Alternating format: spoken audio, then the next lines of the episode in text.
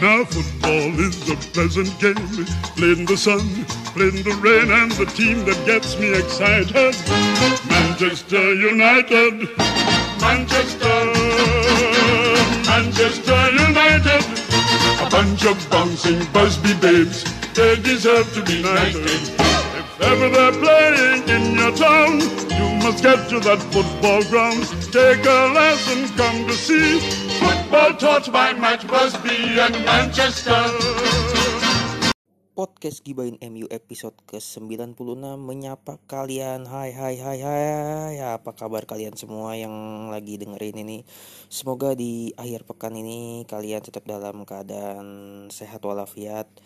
Tetap dalam apa ya keadaan isi dompet dan ATM yang bikin kalian nyaman. Karena sebentar lagi juga udah memasuki bulan Ramadan tinggal menghitung hari. Gue juga belum tahu kapan sih maksud tanggal 12 April atau 13 April. Ya nunggu aja sih nanti dari ini ya pemerintahan agama ya kapan pastinya gitu. Lihat hilal kan biasanya. Nah kita di episode kali ini ya kayaknya nggak nggak bakal panjang lebar juga ya karena gue tag podcast ini juga cukup telat di episode 96 ini udah lewat beberapa hari setelah kemenangan di Granada kemarin kemenangan 0-2 di leg pertama babak perempat final Europa League 2020-2021 gue nonton pertandingan itu dan jujur mainnya nggak bener-bener nggak bagus lah ya. Nggak enak ditonton jujur aja. Kalau buat gue ya itu bener-bener nggak nggak enak buat buat ditonton.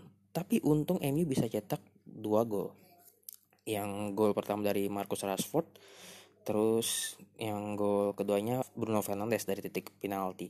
Nah, sedikit ke Fernandes itu menjadi penalti ke-20 dia selama di Manchester United dan yang ber-19. Satu-satunya kegagalan Fernandes mengeksekusi penalti itu pas lawan Newcastle United musim ini di Premier League pas main di St James Park gitu dia. Itu satu-satunya kegagalan Fernandes selama membela Man United ya. Eksekusi penaltinya gagal di tepis kalau gua nggak salah sama Darlow ya kalau nggak salah. Dan gol kalau kita bicara soal gol aja dan soal Rashford golnya Rashford itu benar-benar kita ngeliat long ballnya Victor Lindelof yang sering banget. Sebenarnya kalau lo merhatiin Lindelof sering banget kayak gitu. Cuman cuman beberapa aja yang berhasil ya. Karena kan meskipun Lindelof ngirim long ball kayak gitu tergantung pemain depannya. Dan kemarin ya harus kita akuin Rashford benar-benar brilian banget menerima umpannya Lindelof ya. First touchnya tuh benar-benar dapat banget. Dan ini menjadi gol kedua dia dalam dua match beruntun ya artinya mudah-mudahan kepercayaan dirinya tetap terjaga meskipun gue nggak tahu ya.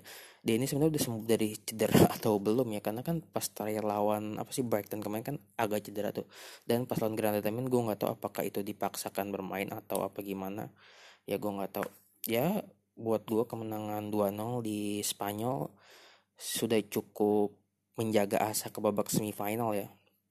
Karena main di Old Trafford memang agak tricky lah bisa dibilang agak karena dalam dua pertandingan terakhir di Old Trafford khususnya di Europa League MU nggak menang ya kan? Pas lawan Milan kemarin di leg pertama kan babak 16 besar satu satu terus pas uh, babak 32 besarnya leg kedua lawan Sociedad udah unggul agregat 4-0 kan di Old Trafford pun main 0-0 gitu loh. Jadi ya memang ya gue seneng aja sih udah bisa unggul margin 2 gol.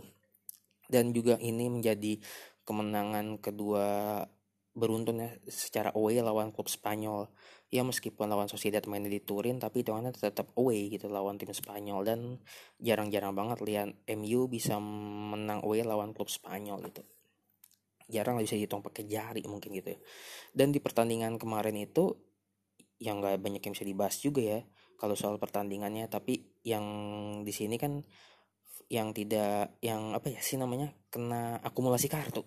Yang tidak bakal bermain di leg kedua nanti lawan Granada di Old Trafford itu ada Harry Maguire, Scott McTominay sama Luke Shaw.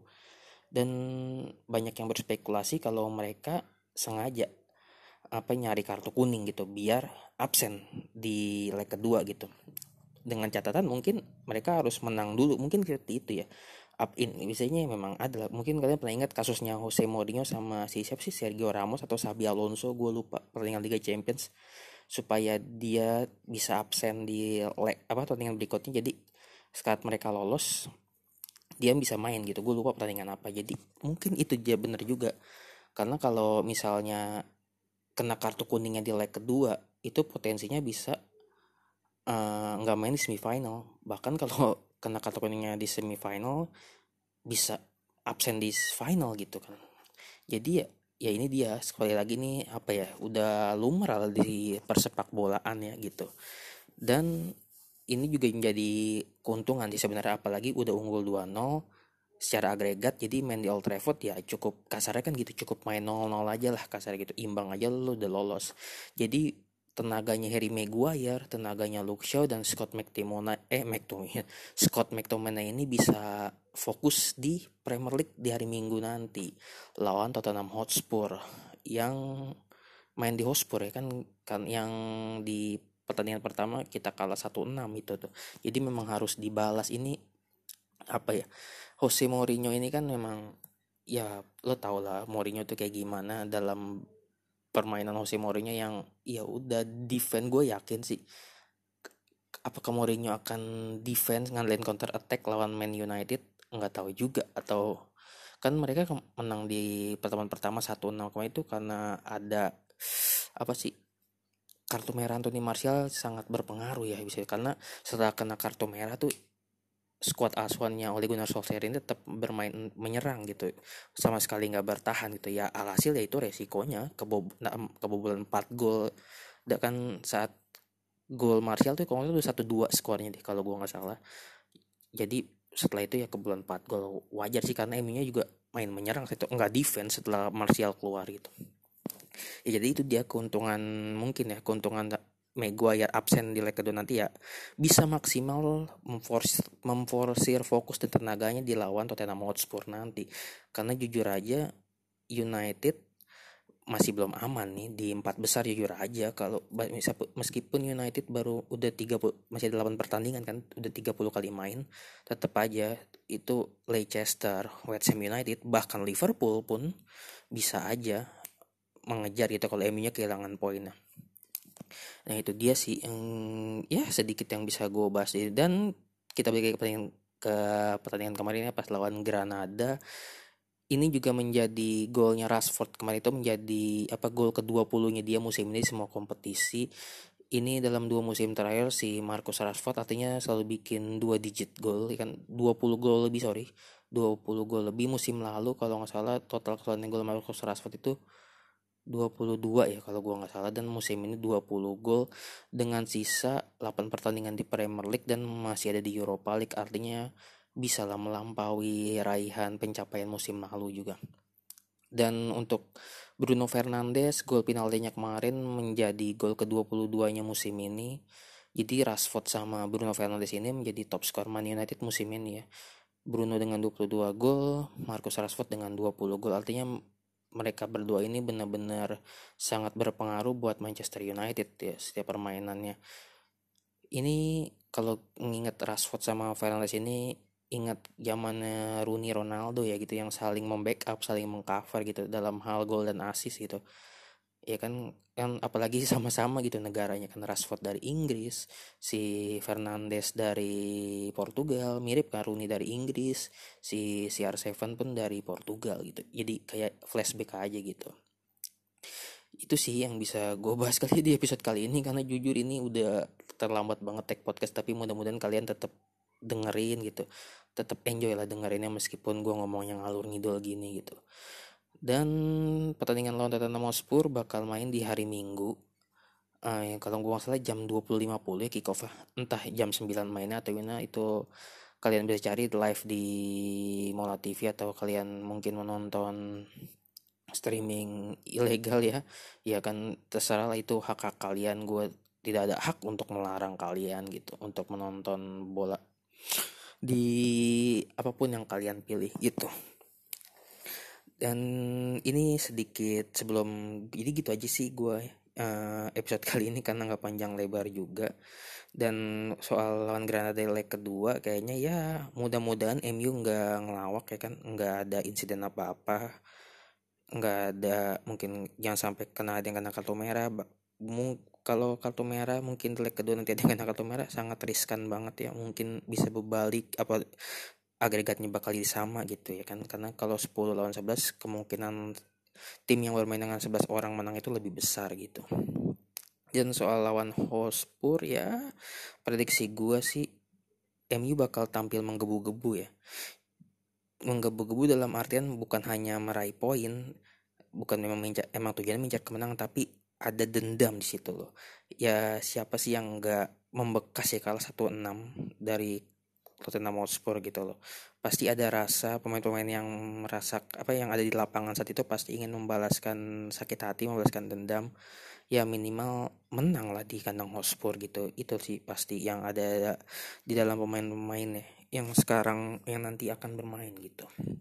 Ya mudah-mudahan lah tiga poin gitu.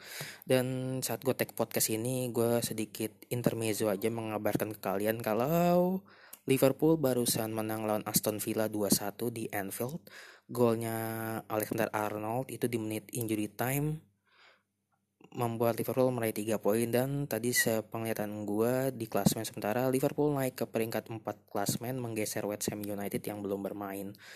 Sementara beberapa jam sebelumnya Sang pemuncak klasmen nih Manchester City kalah 1-2 dari Leeds United dan mereka juga kebobolan di menit-menit injury time gitu. Well, City udah main 32 kali dengan raihan 74 poin sementara Man United 30 kali dengan raihan poin 60 poin. Artinya kalau Man United bisa menang di dua laga dan menyamai apa dua laga yang ada itu dua laga di tangan, artinya poin Man United akan menjadi 66 poin apa menyamai raihan poin dalam dua musim terakhir di Premier League sekaligus merapatkan jarak dengan City menjadi 8 poin dengan sisa 8 dengan sisa 6 laga. Ini mengingatkan kita pada musim 2011-2012 ya kan tapi terbalik posisinya saat itu MU yang unggul 8 poin dari City dan pada akhir musim ya seperti teman-teman tahu City keluar sebagai juara karena unggul selisih gol Ya, itu mungkin musim paling menyakitkan bagi fans Manchester United karena gelar Premier League hanya berpindah dalam beberapa detik aja waktu itu. Ya kan? Tapi gue nggak tahu. Mudah-mudahannya MU bisa menang nih. Kalau MU nggak menang juga di dua laga ke depannya ya, untuk menyama apa mendefisit menjadi 8 poin ya percuma juga gitu. Sekarang memang defisitnya masih 14 poin. Kalau MU bisa dapat 6 poin jadi 8 poin ya akan menarik jujur aja bakal menarik apakah kejadian di 2011 2012 bakal terulang di 2020 2001 ini I don't know gitu tapi akan menjadi seru akan menjadi kembali terbuka persaingannya. Kan seperti salah satunya kalau Liga Eropa yang lagi seru itu kan La Liga ya kan Atletico Madrid Barcelona Real Madrid. Dan intermezzo nih gue lagi ngomongin di luar MU nanti malam juga dini hari nanti ada Real Madrid lawan Barcelona gitu. Dan seru aja gitu kayaknya kalau ngeliat penentuan juara ditentukan sampai akhir musim gitu kayaknya wah greget gitu lah ya kan ya adalah kita tunggu aja sih apa yang bakal bisa dilakukan pasukan Solskjaer ini lawan Jose Mourinho nanti hari Minggu besok ya lebih tepatnya. Kayak karena gue take podcast ini jujur aja di malam minggu ya. Ya gitu aja sih teman-teman ya yang bisa gue sampaikan di episode kali ini. Episode yang singkat banget tidak banyak yang bisa dibahas juga. Ya udah hmm, pokoknya jangan lupa follow podcast Giban Emi di Spotify di Google Podcast atau di Apple Podcast dan dengerin terus deh pokoknya sampai jumpa nih teman-teman dan di episode selanjutnya di episode 97 pokoknya selamat menikmati akhir pekan dan uh, selamat menyambut bulan Ramadan bagi teman-teman yang muslim ya Oke, terima kasih. Gue pamit. Glory Glory Man United.